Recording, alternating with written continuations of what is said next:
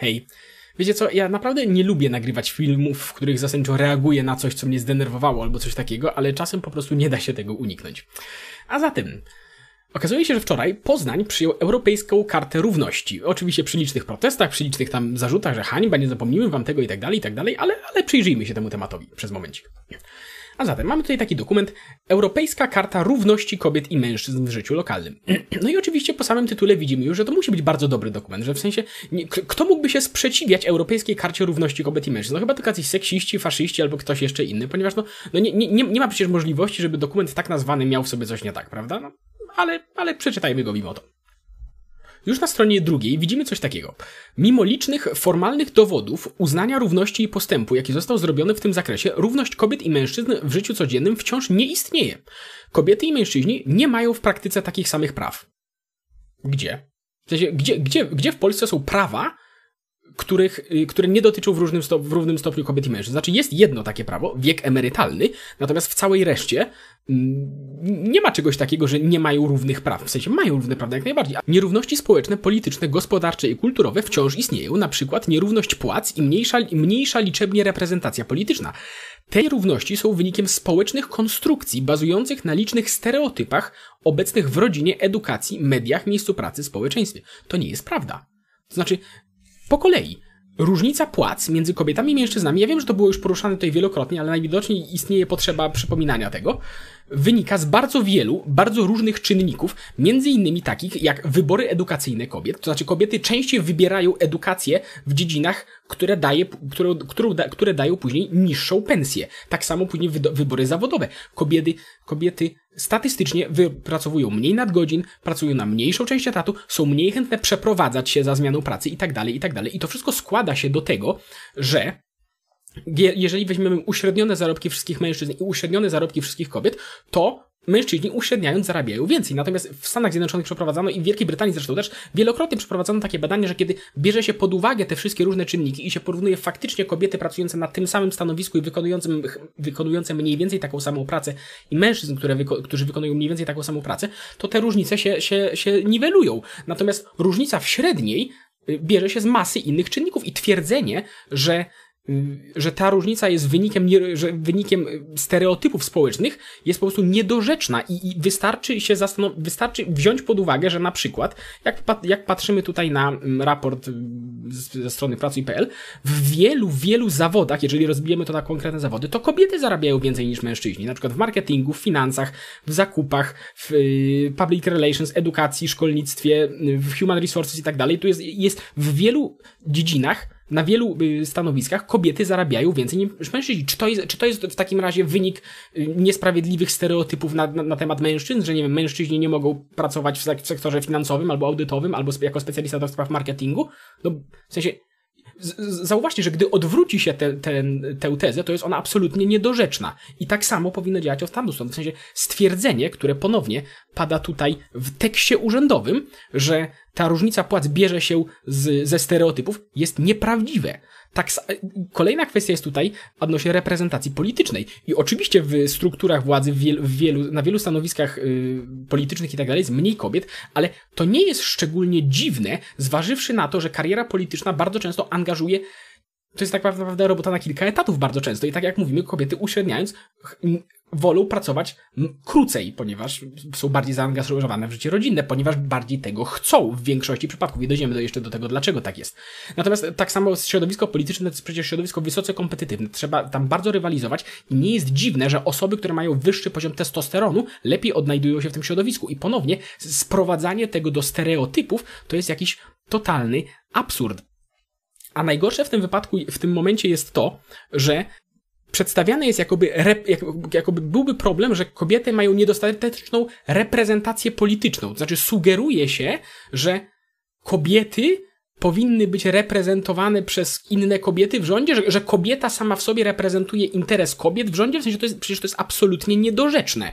Przecież jeżeli jakiś mężczyzna, powiedzmy, został wybrany na urząd, to on nie reprezentuje mężczyzn w tym urzędzie, tylko swoich wyborców. W sensie reprezentuje mężczyzn i kobiety, które na niego zagłosowały, a nie reprezentuje mężczyzn i kobiet, które na niego nie głosowały. I stwierdzenia, że, że, to, czy, y, że to, czy nas jakiś polityk reprezentuje, jest w jakiś sposób zależny od genitaliów tego polityka, jest przecież absolutnie niedorzecznym stwierdzeniem i ponownie jest to stwierdzenie zawarte w tym tekście urzędowym. I tu jest w ogóle bardzo istotne, ponieważ ten motyw powraca wielokrotnie w tym dokumencie. Na stronie 8 wprost mamy zalecenie wprowadzenia parytetów i jest to tym istotniejsze, że jeżeli się, na przykład parytety, w sensie 1 35% w tym momencie musi być kobiet na listach do samorządów od wielu lat i widać, że ten przepis po prostu nie działa w Polsce, ma, przynosi gorsze rezultaty niż się tego spodziewano. To znaczy, y, komitety, gorączko, y, komitety gorączkowo szukają kobiet na listy. Parytety zabiły wolność wyborów. Okazuje się, że po prostu wiele komitetów ma problem, żeby znaleźć tyle kobiet chętnych do wystartowania w wyborach, ponieważ tak jak mówiliśmy wcześniej, kobiety i mężczyźni, uśredniając, są zainteresowani, y, okazuje się, że są zainteresowani innymi rzeczami. I nie jest niczym szczególnie dziwnym, że w niektórych dziedzinach będzie większe, większe zainteresowanie, niektóre dziedziny wzbudzą u mężczyzn, a inne u kobiet. I to nie jest szczególny, to nie jest nic zaskakującego, a y, mamy tutaj kolejny przykład tego, że sugerowane są rozwiązania, które nie tylko nie działają, ale, y, ale doprowadzają do absolutnie kuriozalnych sytuacji, które są tutaj zresztą opisane, gdzie na przykład ludzie gdzieś tam dopisują jakieś swoje ciotki, matki, kuzynki i tak dalej, byle tylko wypchać tę listę kimkolwiek, ponieważ mają taki obowiązek, bo musi być jedna trzecia kobiet na liście wyborczej w tym momencie, pomimo, że nie ma takiej, nie ma chętnych. W sensie tego typu rzeczy są po prostu absurdalne. Z kolei na stronie piątej możemy przeczytać, biorąc pod uwagę, że dla demokracji konieczna jest równowaga w udziale i reprezentacji kobiet i mężczyzn w procesach decyzyjnych i na, i na kierowniczych stanowiskach. I tu ponownie to samo, absurdalne założenie, że yy, że kobieta reprezentuje w jakiś sposób inne kobiety w społeczeństwie, a nie osoby o, o podobnym światopoglądzie. To jest dokładnie to samo zjawisko, które, wspominałem w poprzednich materiałach. To jest traktowanie kobiet i mężczyzn, kobiety i mężczyzn jako rozłączne klasy społeczne, które mają jakoś swoje rozłączne interesy. I odsyłam do poprzednich materiałów, gdzie, gdzie wyjaśniam, dlaczego to jest całkowicie patologiczna perspektywa. Natomiast mamy tutaj dodatkowo na stanowiskach kierowniczych, ponieważ owszem, na stanowiskach kierowniczych jest statystycznie mniej kobiet. W wielu, zasadniczo wszędzie. I ponownie nie jest to nic dziwnego, zważywszy na fakt, że na stanowiskach, że stanowiska kierownicze są to y, stanowiska wymagające ogromnej ilości czasu i wysoce kompetywne. Mamy dokładnie to samo z testosteronem, co mówiłem wcześniej. A dodatkowo, y, o ile średnie IQ kobiet i mężczyzn jest zasadniczo takie samo, nie ma szczególnych różnic, to, ta, y, to, rozkład, to rozkład tego IQ jest różny. W takim maksymalnym uproszczeniu wśród mężczyzn mamy większy odsetek idiotów, jak i geniuszy. Znaczy wśród idiotów jest więcej mężczyzn i wśród ludzi o wysokim IQ też jest więcej mężczyzn.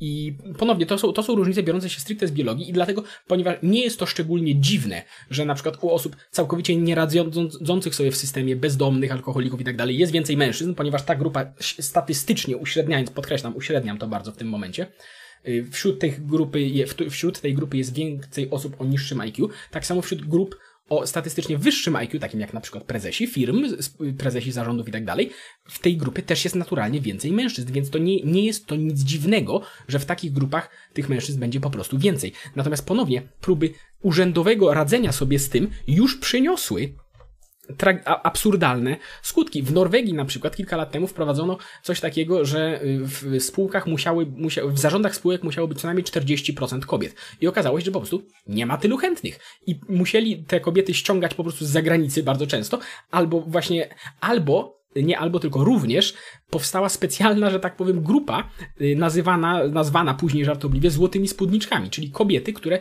zawodowo za, zasiadały w zarządach spółek i nie robiły nic poza tym. Były przypadki, gdzie jedna kobieta zasiadała w zarządach 30 spółek po prostu, ponieważ te firmy po prostu zasysały je w ogromnych ilościach, ponieważ y, prawo wymagało od nich tego, żeby w zarządzie spółki była minimalna ilość kobiet, a ponieważ nie było chętnych, nie było, tak, nie było osób, które do tego pasowały, to po prostu brali kogokolwiek, byle tylko, byle tylko to zapchać i były osoby, które wykorzystywały ten system, nie ma co się z tego dziwić.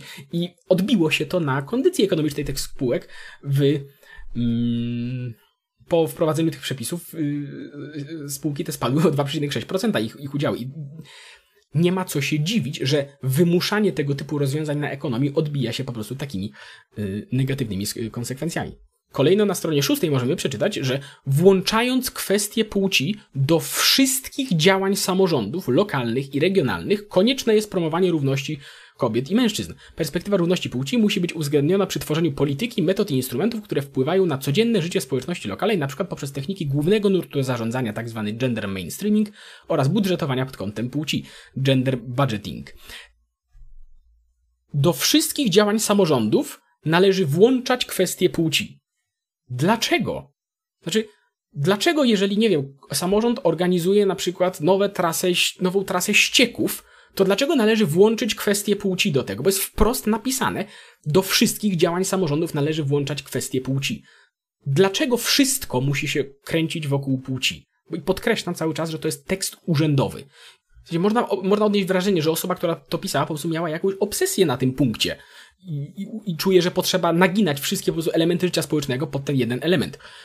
I w ogóle w tym, w tym dokumencie wielokrotnie jest opisywane, że potrzeby czy oczekiwania kobiet i mężczyzn mogą się różnić, jest to zauważone, ale jest zaznaczone, że jest to efekt stereotypów płciowych.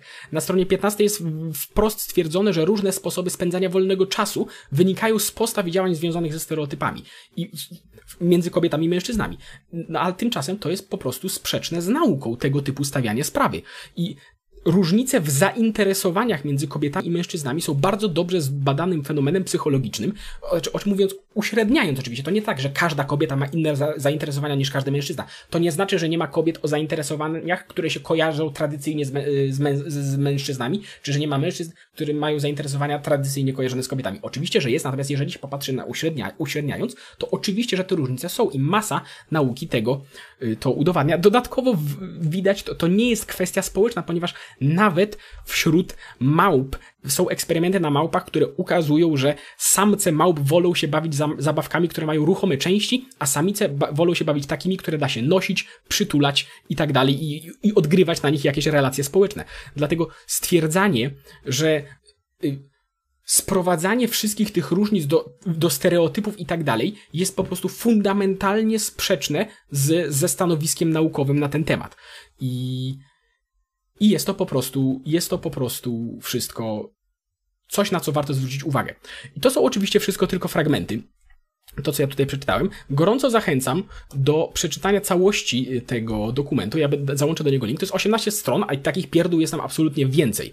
I warto bardzo silnie zwrócić uwagę na to, że ten Dokument redefiniuje de facto równość jako równość wyników i równe ilości jednych i drugich kobiet i mężczyzn w danych środowiskach. I ponieważ wielokrotnie jest to podkreślone, że nie ma równości, bo nie ma równej reprezentacji. Nie ma równości, ponieważ są różnice w wynikach. I jeśli ktoś tak definiuje równość, jako równość w wynikach, no to mężczyźni i kobiety nie są równi. Ponieważ jeżeli ktoś definiuje to tak, jak to zostało, tak jak wynika to z tego dokumentu, ponieważ kobiety i mężczyźni nie są tacy sami. A zatem nie ma co się dziwić, że w różnych dziedzinach będziemy osiągać różne wyniki. I żeby to zmienić, trzeba byłoby je zrównać siłą. A takie rzeczy jak zrównywanie wyników siłą, to mam wrażenie, że już gdzieś tam było, było próbowane i nie skończyło się to najlepiej. I dla jasności, jeżeli gdzieś są przypadki, różnicy w szansach, że na przykład, nie wiem, gdzieś na przykład jak mężczyźni lub kobiety mają dodatkowe szanse do startu w jakiejś dziedzinie, to to jest poważny problem. Nawet jeżeli powiedziałbym, że, że ktoś, jeżeli ktoś chce zwracać uwagę na przykład, że jakieś środowisko zniechęca kobiety do udziału w jakiejś dziedzinie, przez sam fakt, że są kobietami, to należy zwracać na to, zwracać y, uwagę, że jest to problem i nie ma z tym żadnego problemu. Jeżeli, nie, nie widzę ja osobiście żadnego problemu w tym, że ktoś y, zwalcza czynniki, które wpływają na brak równości szans. Natomiast w momencie, kiedy zaczynamy mówić o równości wyników, to robi się po prostu poważny problem. I istotne w tym wszystkim jest to, że to, co ja teraz przeczytałem, to nie są czyjeś tam opinie, to nie jest, nie wiem, dziennik feministyczny, tylko to jest dokument urzędowy, który został podpisany, przypominam, przez y, samorząd poznański, tak? I dokument ten oczywiście, zanim idzie, y, jest w nim wprost napisane, że przez, zanim idzie przeznaczanie środków budżetowych na propagowanie tych idei, na realizowanie ich w życiu, de facto na propagandę.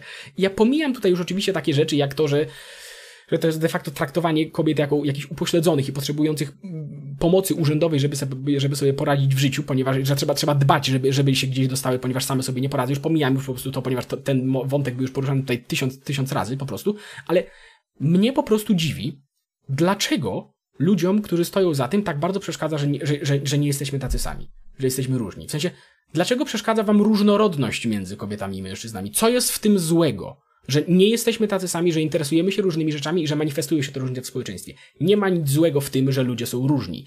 I i mam nadzieję, że nie trzeba wyjaśniać, dlaczego stanowienie formalnych dokumentów rządowych w oparciu o sprzeczne z faktami tezy ideologiczne są, jest to wszystko po prostu niebezpieczne. I oczywiście ktoś powie zaraz, że to jest, że, że ludzie, którzy to podpisywali, tak naprawdę mieli dobre chęci, że ludzie, którzy to składali, mieli dobre chęci. Możliwe, ale co z tego? Znaczy, co z tego, jeśli poskutkowało to urzędową sankcją ideologicznych urojeń, które nie mają oparcia w rzeczywistości? I, I się zastanówmy, czy kierujemy się tym, kto jakie miał chęci, czy jaka jest prawda.